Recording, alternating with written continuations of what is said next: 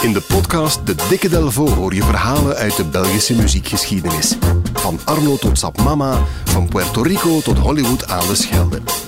Duik mee in het rijke Belpoparchief en ontdek de verhalen achter Belgische muziekparels. Samen met Jan Delvaux, onze ervaren gids. De mooiste Belpopverhalen krijg je in de Dikke Delvo podcast. Dag Wouter. Aan de titel op je blad te zien ga je mee in de hype van de gin tonic, niet? Ja, ja. Het gaat over tonic, ja, ja, ja. Ken je tonic? Nee, zegt dat iets? Tonic is... Uh, Behalve drankje niet, nee. In, in de jaren 70 en 80 had je bij de VRT denk ik een dienst lichte muziek. Dat was, zo, Ja, ja. dat was eigenlijk popmuziek toen. En dit is zeer, zeer lichte muziek. eh flinterdun zelfs. eh, maar wel zeer, zeer aantrekkelijk. Dit is een liedje dat in 1982, dus 35 jaar geleden, eh, niet uit de, uit de ether te branden was eigenlijk.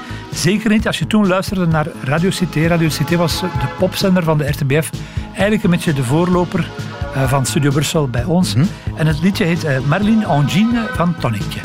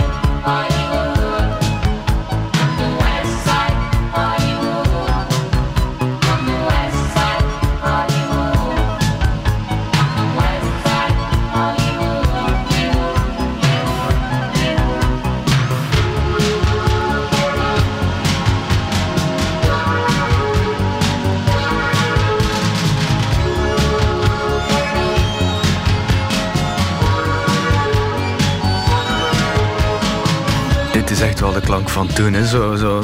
Ik- denk aan een aantal andere dingen. Ja, ja, ja, die komen zelfs allemaal nog voorbij. Rock commercieel, eh, dus van, ja, van, van Tonic. Het is wel grappig, het nummer heet Marilyn en Jean, en dus Marilyn in jeans. Eh, nu, mijn goede vriend Jimmy de Wit, met wie ik theatervoorstellingen maak, en die ook DJ Bobby Ewing is van eh Disco Bar Galaxy, was in der tijd ook grote fan van dit nummer, maar hij was altijd in de war door de titel, want hij dacht altijd dat het nummer heette Marilyn en Jean. Dus de Angine, de N, de An, in het Frans dat het een N was. En dat dat dus gewoon een nummer was over Marilyn en Jean. Voilà, goed, maar dit geheel. Jaren op zoek geweest naar die Jean. Wie was dat? Wie was Jean nu? En Marilyn Jean, maar oké, meneer, het was Marilyn Angine. Voilà. Eh, Tonic, een blond trio, twee meisjes en jongen. Eh, Anne is, de, is een van de drie, is turnkampioene geweest. Oh. Ja, eh, die werkte als hostess voor een sigarettenmerk en ze werd ontdekt door Claude Delacroix. Dat is eh, de, een bekende stem geweest op RTBF. Ehm, de baas ook geweest van de Radio 1 aan gene zijde, van La Première ook. En die man, ja, dat mocht toen in der tijd, die had in de jaren 70 ook een discotheek in Brussel, hè, naast zijn job. En daar was die Anne was daar DJ. Yannick was de zanger, die was eh, zwemleraar, een diepzeeduiker. En zijn stiekeme droom was om in de Provence te gaan wonen. En dan had je nog Nadine. Nadine was een vriendin van Anne, die Yannick had leren kennen in de discotheek, waar, waar Anne dus draaide. En zij is fotomodel en zij houdt van rollerskaten. Sportief trio. Voilà, en samen willen ze dansmuziek maken. Anne speelt synthesizer, Nadine drumt en Yannick zingt. Dit heb ik allemaal niet verzonnen. Dit, zo stond het letterlijk toen in 1982 in de promotietekst van Tonic. Maar dat waren eigenlijk uithangborden. Dat was ook zeer duidelijk te zien aan de hoes. De kleine letters op die plaatjes zeggen veel meer. Want eh, er zijn, ze hebben een viertal singles gemaakt en er zijn drie namen die altijd terugkeren bij de, het productieteam, zeg maar. Eh, dus de mannen die, die die nummers hebben bedacht, dat zijn Michel Collard, Yves Feyards en John Wooldridge. Namen die mij ook niet veel zeiden, maar die, twee zijn, die laatste twee zijn heel eh, belangrijk wel. Die Yves Feyards, die werkt in een opnamestudio in Brussel. En die John Wooldridge, die heette niet John, John Wooldridge, het is bijna onuitspreekbaar, maar die heette Jan Daze. En Jan Daze, die had al begin jaren 70 in Carriage Company gezeten, een van de eerste metalgroepen bij ons. En die gaat halfwege de jaren 70 bij platenfirma EMI werken en die wordt eh, muziekuitgever. En in 1978 krijgt hij in zijn job als muziekuitgever bezoek van twee jonge mensen uit Brussel, waarvan hij vindt dat ze heel veel talent hebben. Die heten Erik Verwilligen, heet hij, en het meisje heet Wanda de Ribieros. Aha. Ding dong, voilà. Ja, vertel vooral verder. Ja, voilà. En eh, Jan Daas is van, ja, ik vind, ze hadden een demo gemaakt, ik vind die nummers geweldig. Ik ben er zeker van dat ik voor jullie een plaatfirma, eh, een plaatfirma kan vinden. Een muziekuitgever verkoopt eigenlijk, of beheert liedjes, verkoopt hij ook, probeert in reclamespots, eh, in films, vandaag is dat vooral de job, te plaatsen. Maar het kan ook zijn dat je aanklopt bij een muziekuitgever en dat hij op zoek gaat naar een plaatlabel. Dus dat doet hij voor die twee, voor Erik en Wanda. Maar dat blijkt niet zo gemakkelijk en Jan Dazen zegt van, we gaan het over een andere boeg gooien. We gaan een, een cover maken van een bestaand nummer. eh, liefst uit mijn catalogus. Hij had een aantal eh catalogi, dingen die hij vertegenwoordigde. Hij zegt, ga daar maar eens in neuzen. Misschien vind je wel iets. En ze vinden ook een nummer. En dat is een nummer, eh, misschien moeten we het heel kort laten horen. eh, gewoon ter illustratie.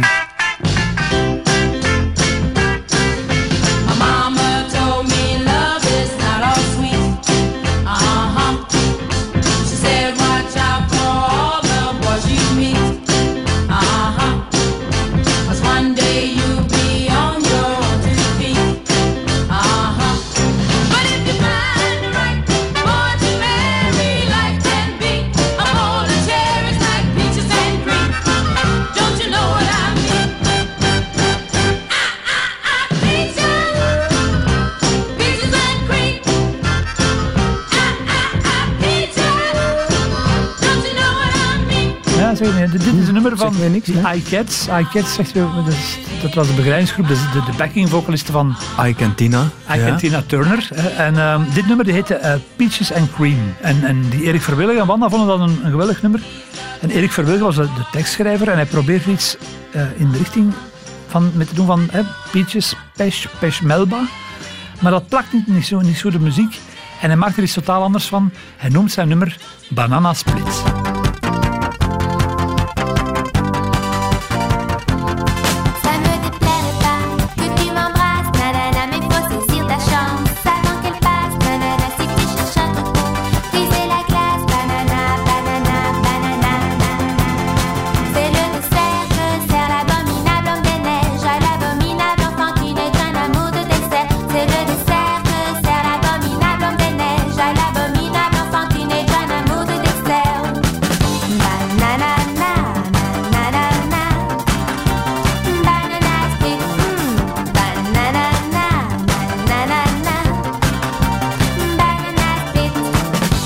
Perzik naar de bananian. Voilà, dus ja, ja, ja, ja, ik wist het ook niet. Ik heb het onlangs pas ontdekt, dit verhaal. Ik vond het een geweldig verhaal. Dus ja, door een, een gigantisch toeval eh, komen ze bij die Banana Split uit.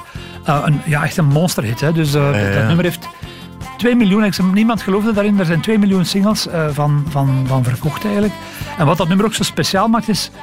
Wat ze eigenlijk wilden doen, of wat Erik Verwilligen en die Wanna wilden doen, was Phil Spector aan de ene kant. Dus ook zoals de iCats van die oude jaren 60 soul. Hè Ja.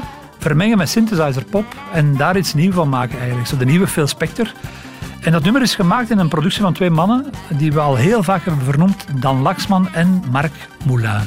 De T-Rex. De mannen van Telex van Moscow eh, Disco. Uh, Marc Moulin was niet alleen die producer van Banana Split, was ook een radiomaker op dat moment. En hij was in 1978, dus een jaar voor Banana Split uitkwam, dat is een hitje uit 79, was hij gestart met Radio Cité, de eerste popzender bij ons in België. Dus waar ik het straks al over had. Heel straffe radio op FM. Eh, geweldige, geweldige. Dus als je dan Leo naast Tonic legt, dan begrijp je waarom die Marc Moulin die synthesizer pop van Tonic ook begon te draaien. Want dat lag gewoon krak in hetzelfde Ja, ja, ja. gevoel eigenlijk. Eh, en je begrijpt ook waarom dat die Feyards en eh, die Dazen omgekeerd dan door het succes van Leo gestart zijn met die Tonic. Want Jan Dazen zat op de eerste rij, die heeft eigenlijk mee het succes eh, gestart van Leo. En die dacht van, ja, dat, dat, dat zo goed loopt. De- er zijn talloze eh, kopieën toen gemaakt van Leo. Er is nog een groepje uit de Mino, eh, een zangeres. Dat was ook een beetje in, in die uh, Super, heet dat denk ik. Ja. Dat was allemaal in de stijl eh, van Leo. Dus daarom beginnen ze ook een beetje tonig, maar dan met, met, met zijn, zijn drieën. Dus ze maken een aantal singles ermee. Die worden heel veel gedraaid, die singles, op de radio. Maar dat zijn geen topverkopers. Maar die twee gasten, die Feyards en Dazen, die blijven maar proberen. We gaan nu even heel snel eens door hun, eh, hun catalogus wandelen. Dan hoor je echt wel wat hun huisstijl was. Dit is 1982, Alice Elysée met Lolita.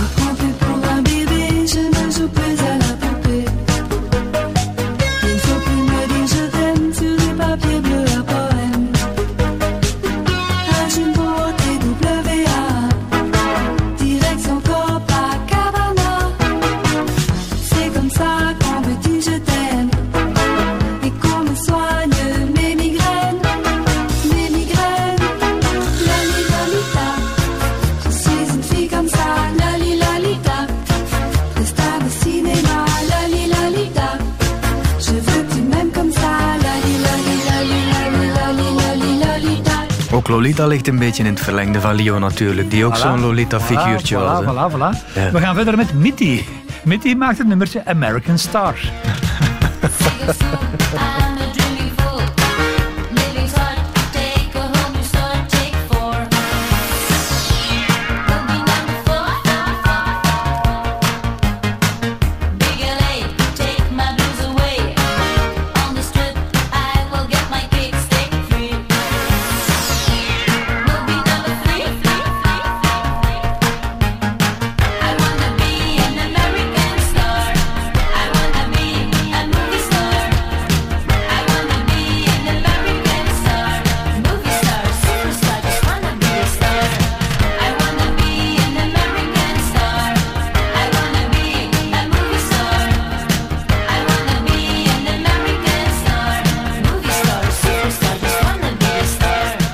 geen idee wie Mitty is, maar ze was blond. dus dat was heel belangrijk, denk ik.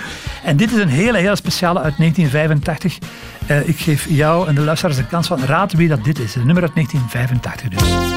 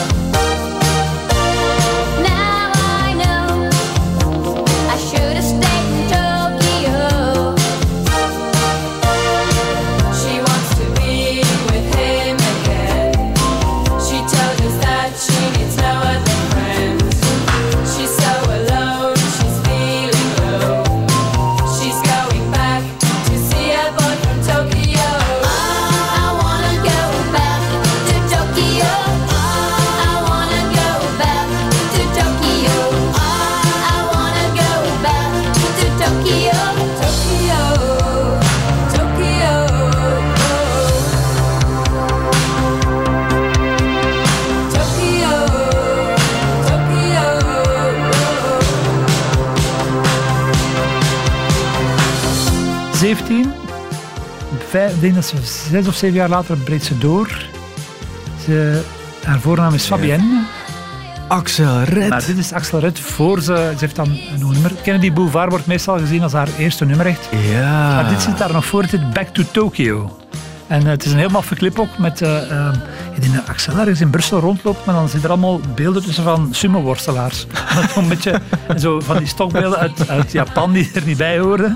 Om het toch een beetje Tokio te laten lijken. Dus ze maken... Ze, ja, dat eigenlijk... eh, ja, ze blijven maar eh, serieel, seriële hitmakers worden zij.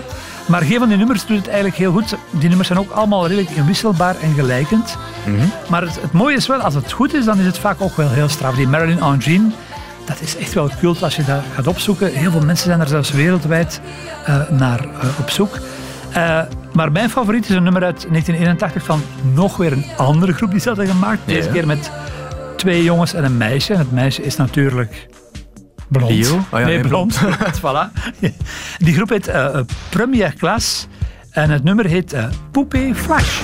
Je vis dans les magazines. Je pose comme, comme une machine. Pour les flashs, pour les photos. Je souris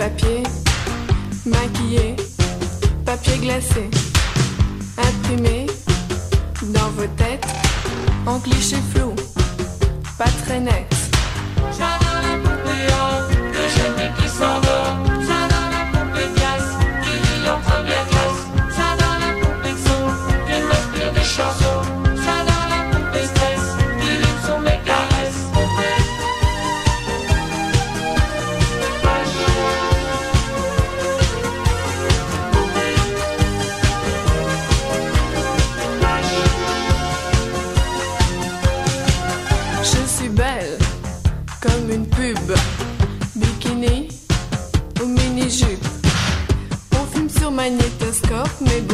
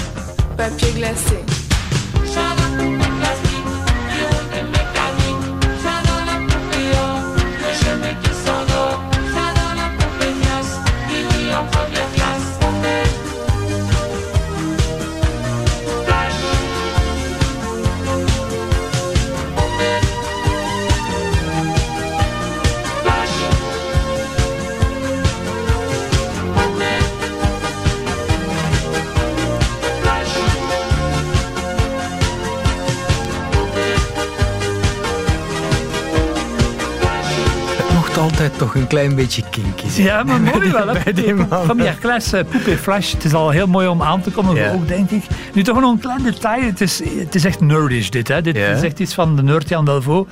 Onthoud even de flash, de Poupée Flash van daar juist uit het refrein. En luister dan naar dit. Radio Cité, dus die goede popzender, de Franstalige Studio Brussel, die hadden tussen, tussentijds hadden die korte nieuwsberichten. En daar gebruikten ze dus deze jingle voor. En die werd ingesproken door, je kan het al raden, door Moulin. Moulin. Voilà, Ja. dus dan is de cirkel helemaal rond. Ik weet niet of het één op één is. Ik denk dat hem gewoon gepikt is. Of dat ze gevraagd hebben, mogen we die ook eh, gebruiken. Maar het is dus geen toeval dat dit dus... dat- ja, ik denk, waarschijnlijk is dat ook de inspiratie geweest om die flash in dat nummer te steken. Met de gedachte van, hiermee gaan we wel gedraaid worden op Radio Cité. En dat zijn ook wel gelukt. Check zeker ook de andere Belpop-verhalen in een volgende aflevering van de Dikke Delvo.